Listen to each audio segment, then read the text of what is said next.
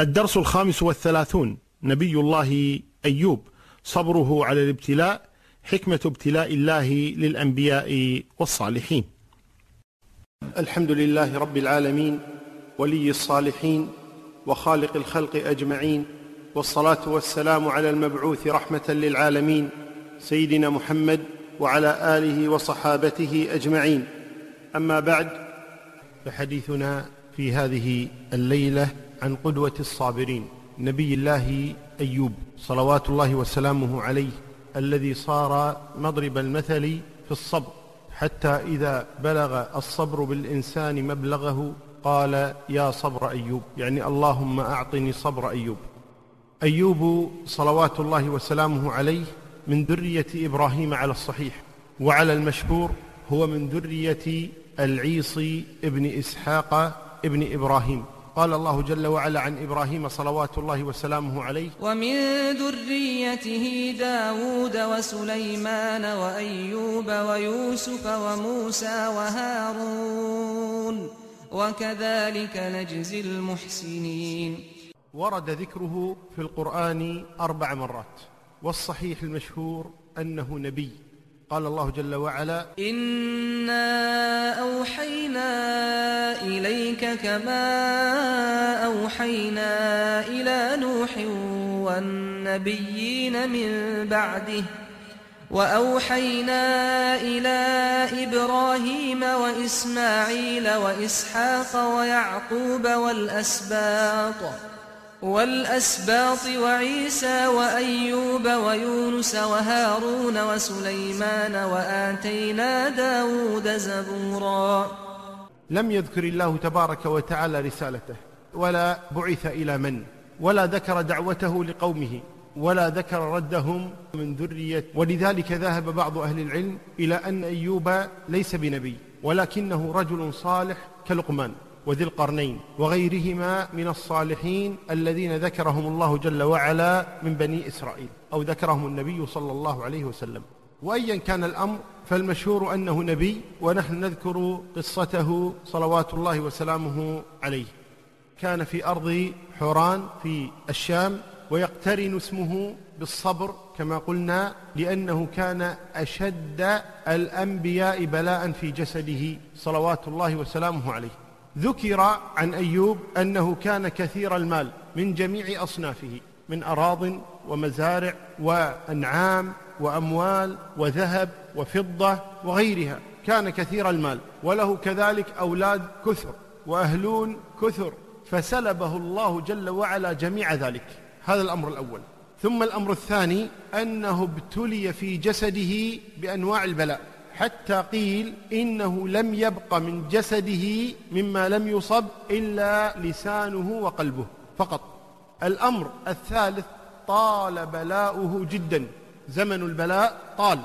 الأمر الرابع مل الناس زيارته لطول البلاء وقيل لخشية العدوى منه.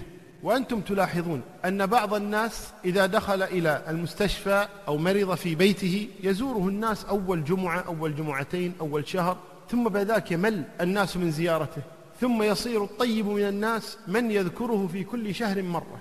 ثم بعد ذلك ينساه الناس تماما لأن الناس يملون. إلى متى تتم زيارة هذا الإنسان؟ فما يبقى معه إلا أحب الناس إليه وأحبهم إلى الناس. هجره جميع الناس. ما بقي معه إلا امرأته. وهذه مصيبة عظيمة. ابتلي في ماله ذهب ماله كله ابتلي في صحته أجلسه المرض ابتلي في مدة المرض طالت مله الناس وملوا زيارته حتى قطعوه بل نفروا منه. وهذه لا شك مصائب يصيب الله بها العباد. ولكن هذه المصائب في نظر العاقل المتدبر هي نعم لمن صبر واحتسب لأنها أجر يقدمه الإنسان لنفسه يوم القيامة. وهي كالدواء المر يشربه المريض حال شربه له هو مر ولكن في النهاية عاقبته إلى خير. اختلف أهل السير والتاريخ في مدة بلائه فقيل استمر بلاؤه ثلاث سنوات وقيل استمر سبع سنين وقيل استمر ثمان عشرة سنة وكل هذه الأقوال لا دليل عليها لا من كتاب ولا من سنة. ما في دليل من القرآن أو من خبر النبي صلى الله عليه وآله وسلم. وإذا لم يكن ثمة خبر من الله جل وعلا أو من نبيه صلى الله عليه وسلم فكل ما بقي رجم بالغيب. لكننا نعلم علم اليقين أنه ابتلي أصابه البلاء ومسه الضر كما سيأتي ذكره. مع هذا الابتلاء ظل أي نجح أيوب صلوات الله وسلامه ظل صابرا محتسبا للأجر عند الله تبارك وتعالى. ويذكر الله جل وعلا ليله ونهاره. لم يفتر لسانه ولا قلبه عن ذكر الله جل وعلا. وهو كما قال النبي صلى الله عليه وسلم أشد الناس بلاء الأنبياء ثم الصالحون ثم الأمثل فالأمثل. يبتلى المرء على قدر دينه فإن كان في دينه صلابة شدد عليه في البلاء. إذا الابتلاءات هذه لا تدل على أن الله لا يحب هذا الإنسان. بل لعل العكس هو الصحيح وذلك أنه جاء في الحديث عن النبي صلى الله عليه وسلم إذا أحب الله عبدا يصب منه أي يبتليه سبحانه وتعالى. كالذهب يعرض على النار فتنقي النار هذا الذهب من الشوائب حتى يصير بعد ذلك خالصا أي من هذه الشوائب التي كانت عالقة فيه. قلنا إن امرأته ظلت صابرة محتسبة معه وقامت بحق زوجها خير قيام. ومع طول المدة وشدة البلاء إلا أن أيوب صلوات الله وسلامه لم يدعو ربه أن يكشف عنه ذلك الضر. وهذا جائز. يعني يجوز للإنسان أن يصبر ويحتسب الأجر ويجوز له أن يدعو الله جل وعلا فيذهب عنه ما يجد. وذكر أنه قال عشت سبعين سنة صحيحا. فهو قليل علي أن أصبر سبعين سنة. فلم يكن عنده مانع أن يصبر بعدد السنوات التي أصيب بها. وقد جاء عن عمران بن حسين الصحابي رضي الله عنه أنه جلس في فراشه ثمان عشرة سنة.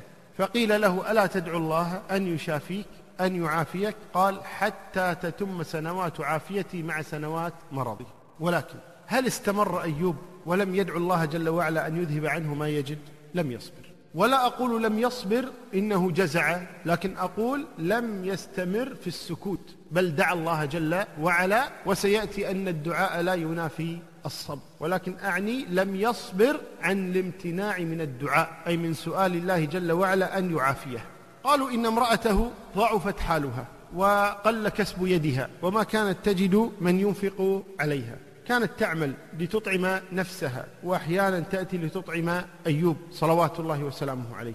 حتى ملها الناس بل خافوا منها أن تعاديهم لكثرة ترددها على هذا المريض أيوب صلوات الله وسلامه عليه. فلم تجد بدا من أن تبيع شعرها.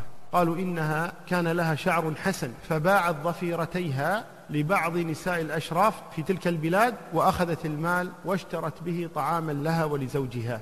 جاءت أيوب معها طعام حسن لا كما كانت تأتيه في كل يوم فشك في أمرها.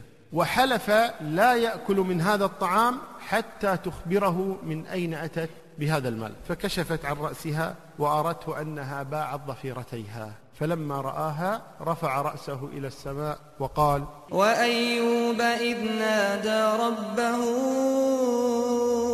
أني مسني الضر وأنت أرحم الراحمين.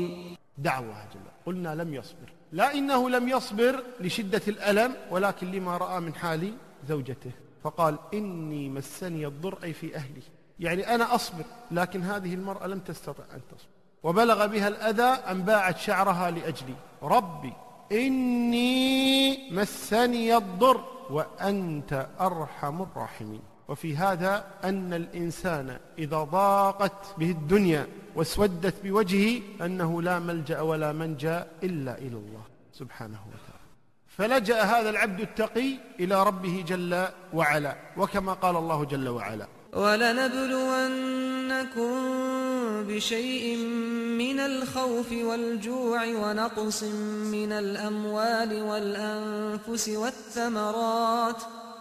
وبشر الصابرين الذين إذا أصابتهم مصيبة قالوا قالوا إنا لله وإنا إليه راجعون.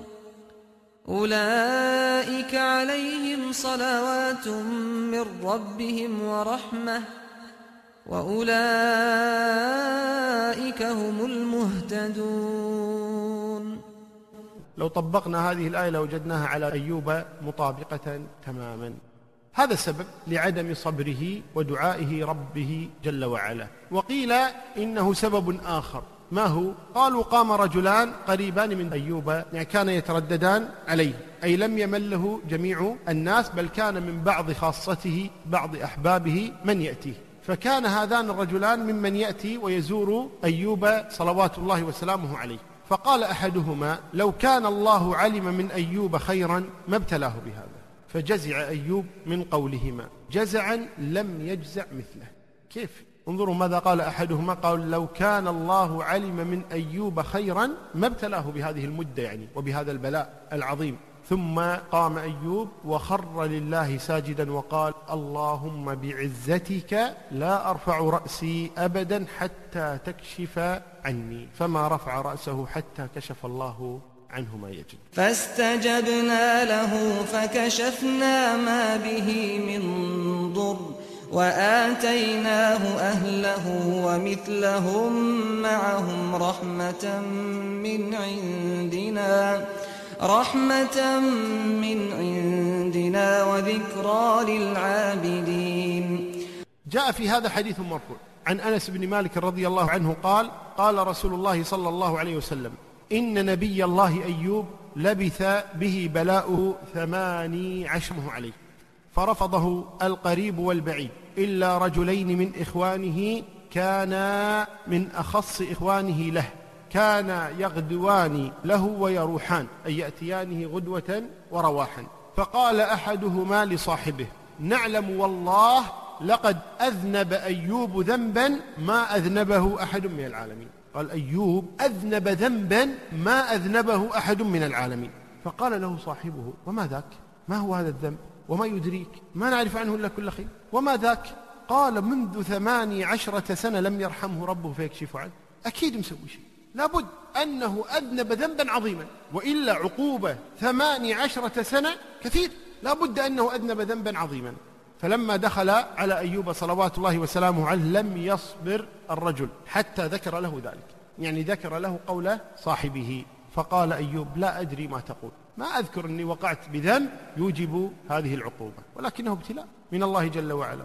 وليس من لازم الابتلاء العقوبة بل إن النبي صلى الله عليه وآله وسلم أعني محمدا كما قال عبد الله بن مسعود لما رآه يوعك وعكا شديدا قال يا رسول الله إنك لتوعك وعكا شديدا قال إني أوعك كرجلين منكم وهو أحب الخلق إلى الله وأقربهم إليه صلوات الله وسلامه. قال إني كرجلين منكم. قال أذلك لأن لك الأجر مرتين؟ قال نعم هذا هو السبب. إذا ليس الابتلاء دائما عقوبة بل الابتلاء تصفية والابتلاء رحمة والابتلاء رفع درجات. فليس هو على كل حال عقوبة من الله لمن يبتليه بل لو قلنا العكس هو الصحيح لكان أقرب. قال أيوب لا أدري ما تقول. غير أن الله عز وجل يعلم أني كنت أن يذكر ما كان يفعل في حق الله جل وعلا. قال غير أن الله عز وجل يعلم أني كنت أمر على الرجلين يتنازعان فيذكران الله. أي يكون بينهما حلف بالله. يكون بينهما نزاع فهذا يحلف وهذا يحلف وأحدهما يكون كاذبا لا شك أو مخطئا على أحسن الأحوال. قال فيذكران الله. فأرجع إلى بيتي فأكفر عنهما. كراهية أن يذكر الله إلا في حق. يعني يقول إذا كنت أذنبت هذا ذنبي يعني أن عمله كله كان صالحا صلوات الله وسلامه عليه. يقول النبي صلى الله عليه وسلم وكان يخرج في حاجته. يعني انتهى هذا الكلام بينه وبين هذين الرجلين. ثم ذكر أنه كان يخرج في حاجته. فإذا قضاها أي قضى حاجته من غائط أو بول أمسكت امرأته بيده حتى يرجع. فلما كان ذات يوم أبطأت عليه. يعني ذهب ليقضي حاجته وانتظرها فتأخرت عليه زوجته. فأوحى الله إلى أيوب في مكانه أن اركض برجلك. اركض يعني اضرب. ركض الشيء ضربه. أن اركض برجلك. هذا مغتسل بارد وشراب اركض برجلك. هذا مغتسل بارد وشراب. ووهبنا له أهله ومثلهم معهم رحمة منا وذكرى لأولي الألباب. أي اضرب برجلك الأرض. فضرب برجله الأرض. فنبعت عين. قال هذا مغتسل بارد وشراب فاستبطأته فتلقته تنظر. تأخرت وتأخر فصارت تنظر. وأقبل عليها. قد أذهب الله ما به من البلاء. وهو على أحسن ما كان. فلما رأته قالت بارك الله فيك. هل رأيت نبي الله هذا المبتلى؟ فوالله القدير. على ذلك ما رأيت رجلا أشبه به منك. إذ كان صحيحا. قال فإني أنا هو. أنا نبي الله المبتلى. فهنا ينتهي هذا الحديث حديث النبي صلى الله عليه وسلم. ولكن قال عنه ابن كثير أي عن هذا الحديث الذي أخرجه ابن جرير في تفسيره قال ابن كثير وهذا غريب رفعه جدا يعني غريب أن يكون مرفوعا والأشبه أن يكون موقوفا. يعني الأشبه أن هذا من روايات بني إسرائيل وليس من قول النبي صلى الله عليه وآله وسلم. والله أعلى وأعلم صلى الله عليه وسلم.